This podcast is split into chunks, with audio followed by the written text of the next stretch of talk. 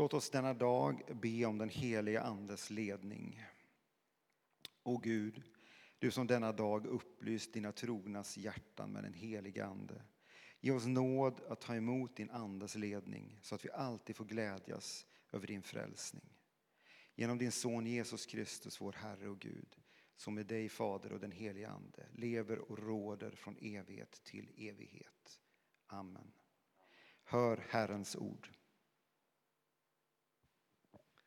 Vi läser för denna söndagens gammaltestamentliga läsning från Första Mosebok 11, 1-9. Hela jorden hade samma språk och samma ord.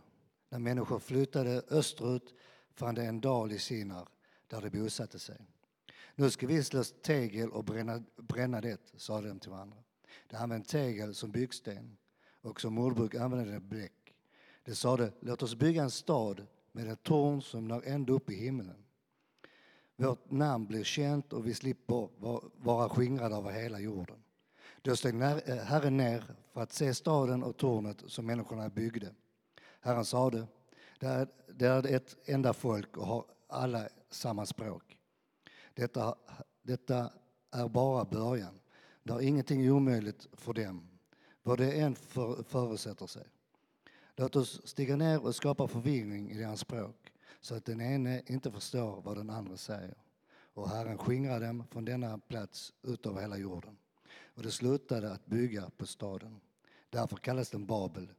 Ty där skapade Herren språkförbristningen på jorden och därifrån skingrade han människor ut över hela jorden. Så lyder Herrens ord. Gud, vi tackar dig.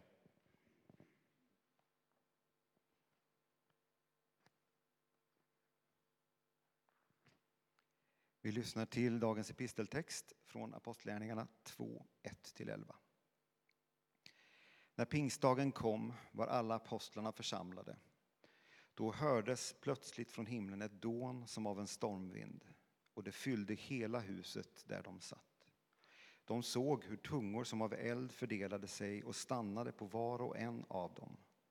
Alla fylldes av helig ande och började tala andra tungomål med de ord som anden ingav dem. I Jerusalem så bodde fromma judar från alla länder under himlen.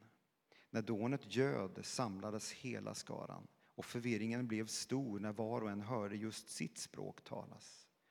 Utom sig av förvåning sa de, men är de inte galileer allesammans, dessa som talar? Hur kan då var och en av oss höra sitt eget modersmål talas? Vi är parter, meder, elamiter, vi kommer från Mesopotamien, Judeen och Kappadoken, från Pontus och Asien, från Frygen och Pamfylien, från Egypten och trakten eh, kring Kyrene i Libyen. Vi har kommit hit från Rom, både judar och proselyter. Vi är kretensare och araber. Ändå hör vi dem tala på vårt eget språk om Guds stora gärningar. Så lyder Herrens ord. Gud, vi tackar dig. Upplyft era hjärtan till Gud och hör dagens heliga evangelium med evangelisten Johannes. Jesus sa, detta har jag sagt er medan jag är kvar hos er. Men hjälparen, den helige Ande, som Fadern ska sända i mitt namn, han ska lära er allt och påminna er om allt som jag har sagt er. Frid lämnar jag kvar åt er. Min frid ger jag er. Jag ger inte det som världen ger. Känn ingen oro och tappa inte modet. Ni hörde att jag sa till er, jag går bort och kommer till er igen. Om ni älskade mig skulle ni vara glada över att jag går till Fadern, ty Fadern är större än jag. Detta säger jag er innan det sker, för att ni ska tro det när det har skett. Så lyder det heliga evangeliet. Jag ber om ursäkt för att min röst är lite sliten. Men i pingstdagstider ska det vara lite så här trosförkunnarröst, eller hur? Jesus säger i evangelietexten Känn ingen oro. Visst blir man lite förbannad när man hör en sån uppmaning? Eller hur? Jag vet inte hur era liv ser ut. Men bara känn ingen oro. Jobb säger på sitt eget positiva vis så här i Jobb 14. Människan av kvinna född lever en kort tid och mättas av oro. Så det känns lite främmande, lite absurt, lite att han inte har koll på vad det innebär att vara människa. Problemet är ju att det här liksom är en engångsföreteelse utan om och om igen, inte minst i det här talet som är från Johannes 14 till, till 17 så upprepar sig Jesus och säger ofta känn ingen oro. Och han är inte ensam av bibliska författare att uppmana oss till detta. Så hur ska vi förhålla oss till alla dessa märkliga uppmaningar? Vad gör vi med vår oro? Alltså Bibelns författare uppmanar oss ju aldrig att förtränga vår själ eller förneka våra känslor. För det är lätt att hamna i det läget då. Nej, men jag är inte orolig, jag är inte rädd, jag är inte bekymrad, jag är en from kristen. Så de uppmanar oss inte till att inte ta det på allvar, men samtidigt vill de leda oss till praktiker som är fruktbärande och som leder oss till salighet och frid. För Jesu löfte till oss i dagens evangelietext är att han vill ge oss av sin frid. En frid som också skiljer sig åt från hur världen definierar frid och fred. En frid som faktiskt får övertaget på vår oro. Och det här som pingstdagen kommer in, det här vi behöver den helige Ande. Fridens ande. För Niklas Pienso, eh, pastor i Filadelfiakyrkan i Stockholm, skrev en väldigt bra artikel i tidningen Dagen i veckan. Han skrev så här. Som kristen lever jag inte bara med en upplevd verklighet utan också med en uppenbarad verklighet. En verklighet som den helige Ande förmedlar till oss genom sitt ord, genom sakramenten, genom församlingsgemenskapen och gudstjänsten. Så låt mig den här korta predikan, eller det kommer vara ganska lång, jag inser jag är nästan på, på två sidor här, det är aldrig så långt innan, har varit så här länge, så det här kommer bli en lång predikan. Några texter, inte minst från Johannes evangeliet, där Jesus säger någonting som kan hjälpa oss och vägleda oss att hantera vår oro och öppna upp oss för Andens frid. I inledningen av talet i Johannes så säger Jesus så här. Känn ingen oro, känns det igen? tro på Gud, tro och på mig.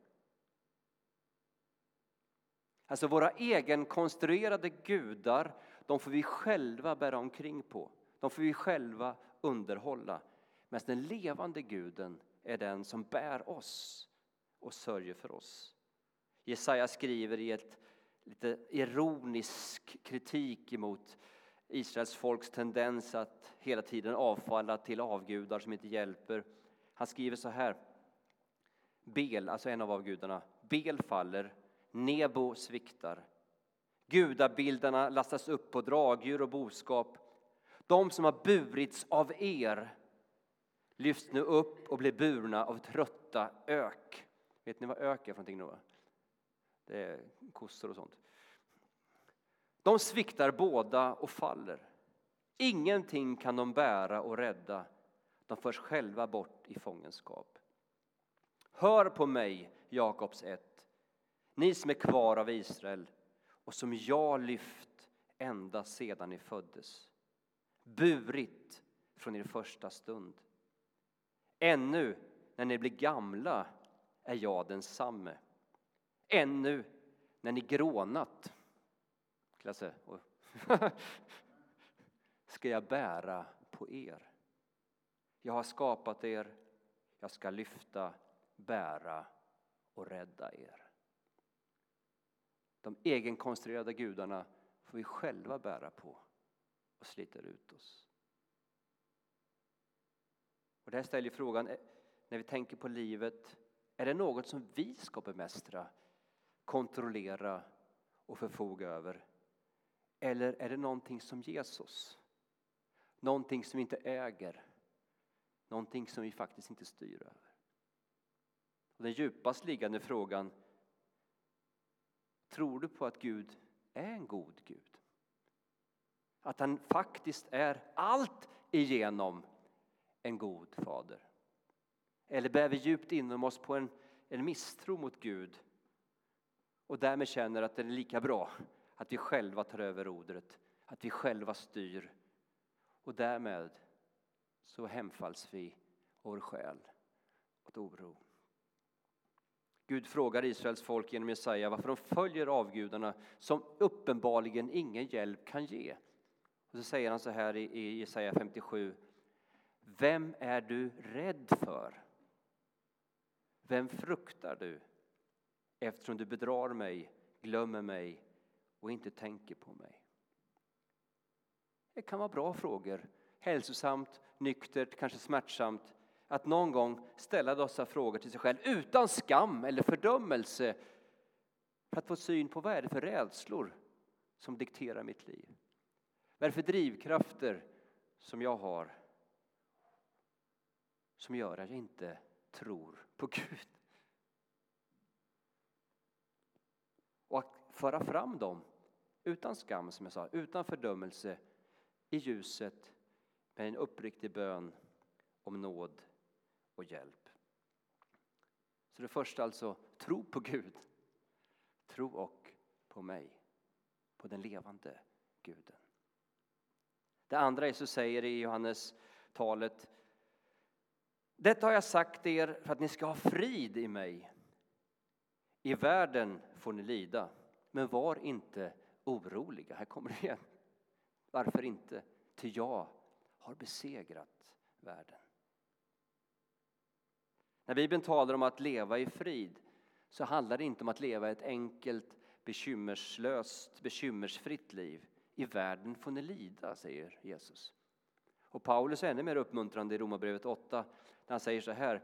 För din skull lider vi dödens kval dagen lång. Vi har räknat som slaktfår.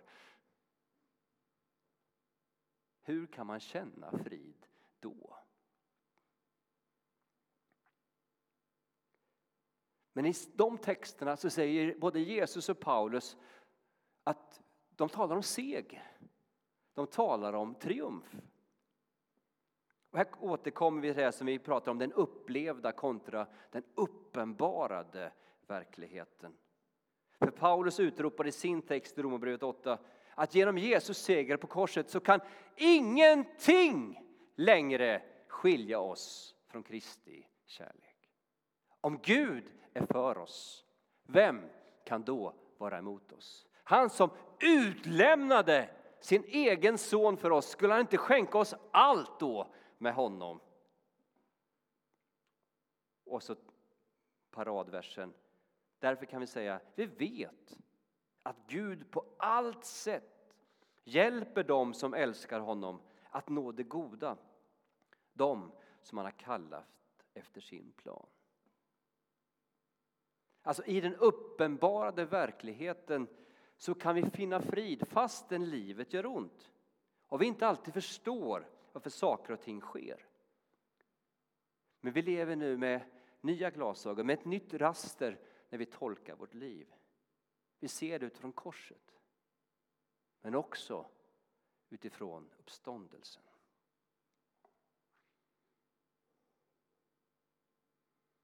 Den tredje versen jag vill lyfta fram är inte från Johannes utan från Filipperbrevet där Paulus säger så här. Gör er inga bekymmer. Är ni bra på det? Att göra bekymmer? Min mamma är expert på det kan jag säga. Det har hon odlat i 87 år nu, så det, är, det är fullfjädrat. Men Paulus säger, gör er inga bekymmer. Utan när ni åkallar och ber, tacka då Gud och låt honom få veta alla era önskningar. Då ska Guds frid, som är mer värd än allt vi tänker, ge era hjärtan och era tankar skydd i Kristus Jesus. Du slipper inte oro. Du slipper inte bekymmer. Du slipper inte lidande. Men vad gör vi med det? Man går till Gud med det. Det kan nästan låta lite banalt, lite för fromt, lite för klyschigt. Men man går till Gud med det och i den relationen, i den bönen, så botten av allting är tacksägelse. Alltså inte att vi håller på och rabblar massor med tackord, utan vilken livshållning har vi? Ser vi livet som en gåva eller ser vi livet som en rättighet?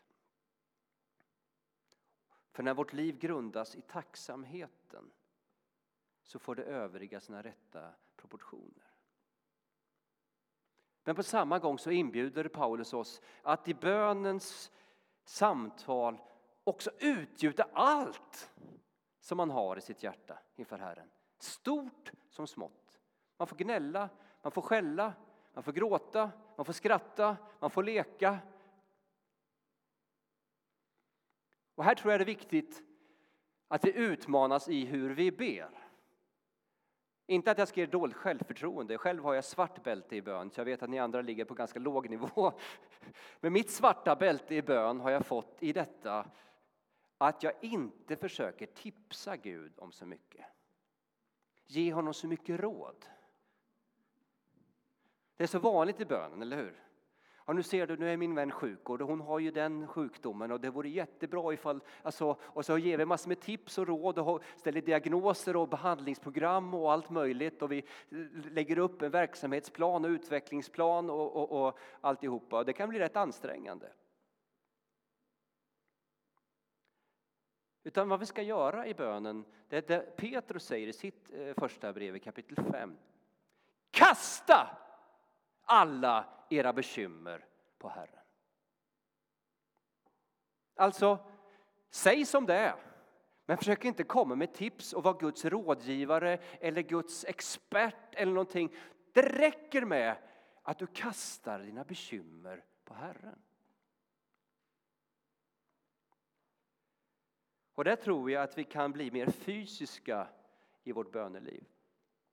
Alltså vår bild av ett böneliv och det som jag uppskattar, vi har en liten bönepall hemma som min fru alltid sitter på varje morgon så jag får inte tillgång till den. Jag gillar att sitta på en bönepall i stillhet, i ordlös bön. Och det är väl kanske den bilden vi har, ja det är så bön ser ut. Men jag var på retreat eh, för länge sedan så, så sa Magnus Malm till mig att jag tror du ska gå ut i skogen, ta en käpp och sen går omkring och slår och tar ut all din ilska och frustration på din bönevandring. Det är en bra bön. Alltså med kroppen uttrycka sin frustration, sin ilska. Sten. Det här skulle jag kasta direkt efter syndabekännelsen, då är jag fri från synd, men då har det skett lite under tiden. Alltså, en bra bön att gå ner till ribban, ta med sig en penna, hitta ett par stenar, skriv ner sin oro, skriv ner sina bekymmer och så kasta ut dem i havet. Och inte springa i efteråt och säga det här måste jag ta hand om. Och därför har vi stenarna där nere. Där du kan lägga dem framför ikonen och säga okej, okay, återigen måste jag lägga ner den här stenen. Det går inte på en gång. Det här är min börda. Det här är min oro. Det här är min sorg. Det här är min synd, eller vad det nu är.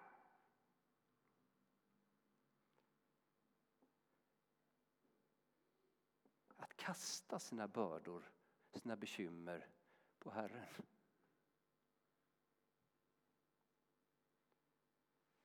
Sen är det ju så att vi får inte alltid de bönesvar vi önskar. Ibland tycker vi det är bara tyst. Ibland kanske vi upplever att det är ett uppenbart nej. Ibland märker vi en nådestänk från Herren som ger oss välsignelse. Jag kommer ihåg att C.S. Lewis skrev någonstans att när vi kommer till himlen så kommer ett av våra största tacksägelseämnen vara att Gud inte har svarat på våra böner. För när vi ser det i himlens perspektiv ser vi så korkat, så dumt, så vidrigt det hade blivit ifall Gud bara gav tummen upp hela tiden. Men vi får komma och göra alla våra önskningar, alla våra tankar, alla våra känslor eh, eh, kunniga inför Herren och lägga det i hans hand. Och då kommer vi uppleva att nu tar jag ett steg tillbaka, nu är det inte längre mitt ansvar. Nu får Gud bära detta. Nu får Gud leda detta. Nu får vi komma tillbaka till den första punkten. Tror vi på Gud? Vilken Gud tror vi på? Är det Gud som är försynen? Är det Gud som är allhärskaren? Den allvise? Den allvetande? Eller är det min egen lilla konstruerade Gud som jag följer? Saltarsalmen 42 har ett, en refräng, precis som vi har i våra lovsånger en refräng. Spiller också in i psalm 43. Det är en refräng som återkommer tre, fyra gånger och den, den sjungs så här. Varför är du tyngd av sorg, min själ, och full av oro? Sätt ditt hopp till Gud. Jag ska åter få tacka honom, min räddare och min Gud. Ibland är det bra att lyssna till sitt hjärta. Men kanske behöver vi oftare tala till vårt hjärta.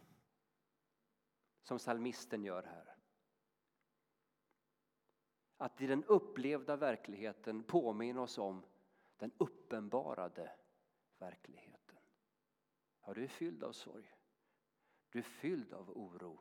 Men sätt ditt hopp till Gud. I vissheten om att Gud är densamme igår, idag och i all evighet. Att upprepa det Jesaja sa. Ännu när ni blir gamla är jag densamme. Ännu när ni grånat ska jag bära er. Jag har skapat er. Jag ska lyfta, bära och rädda er. Ära vare Fadern och Sonen och den helige Ande, nu och alltid och i evigheters evighet. Amen. Halleluja.